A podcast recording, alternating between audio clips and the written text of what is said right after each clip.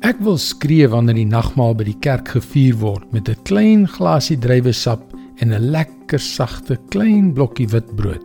Laat ek jou vertel waarom dit my so ontstel. Hallo, ek is Jockey Gouchee vir Bernie Diamond en welkom weer by Vars.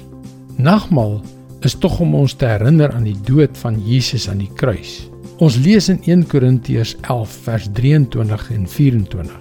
Die Here Jesus het in die nag waarin hy oorgelewer is, brood geneem en nadat hy God daarvoor gedank het, het hy dit gebreek en gesê: "Dit is my liggaam.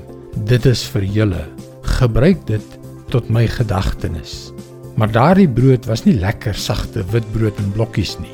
Jesus is immers nie 'n lekker veilige sagte verlosser nie. Nee, hulle het ongesuurde brode geëet, brood sonder suurdeeg. Hoekom?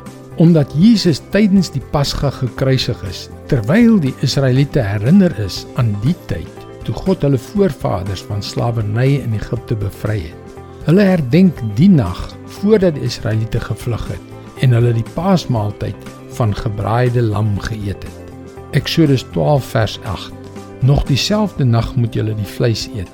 Julle moet dit gebraai eet saam met ongesuurde brood en bitterkruie. Maar hoekom ongesuurde brode? Daar is twee redes.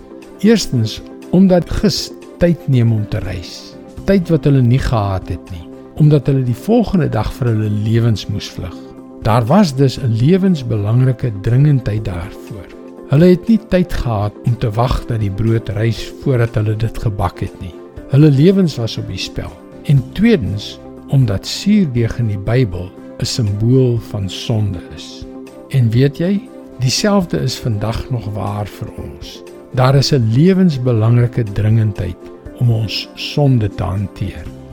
Romeine 6 vers 23 stel dit duidelik. Die loon wat die sonde gee, is die dood. Die genadegawe wat God gee, is die ewige lewe in Christus Jesus, ons Here. Dit is dringend. Moenie dit nog 'n dag los nie. Jesus het gekom om jou te red. Dit is God se woord vars vir jou vandag. Om na Jesus te gaan met 'n een eenvoudige gebed is die plek om te begin. En dit maak nie saak hoe groot jou sonde vir jou lyk nie.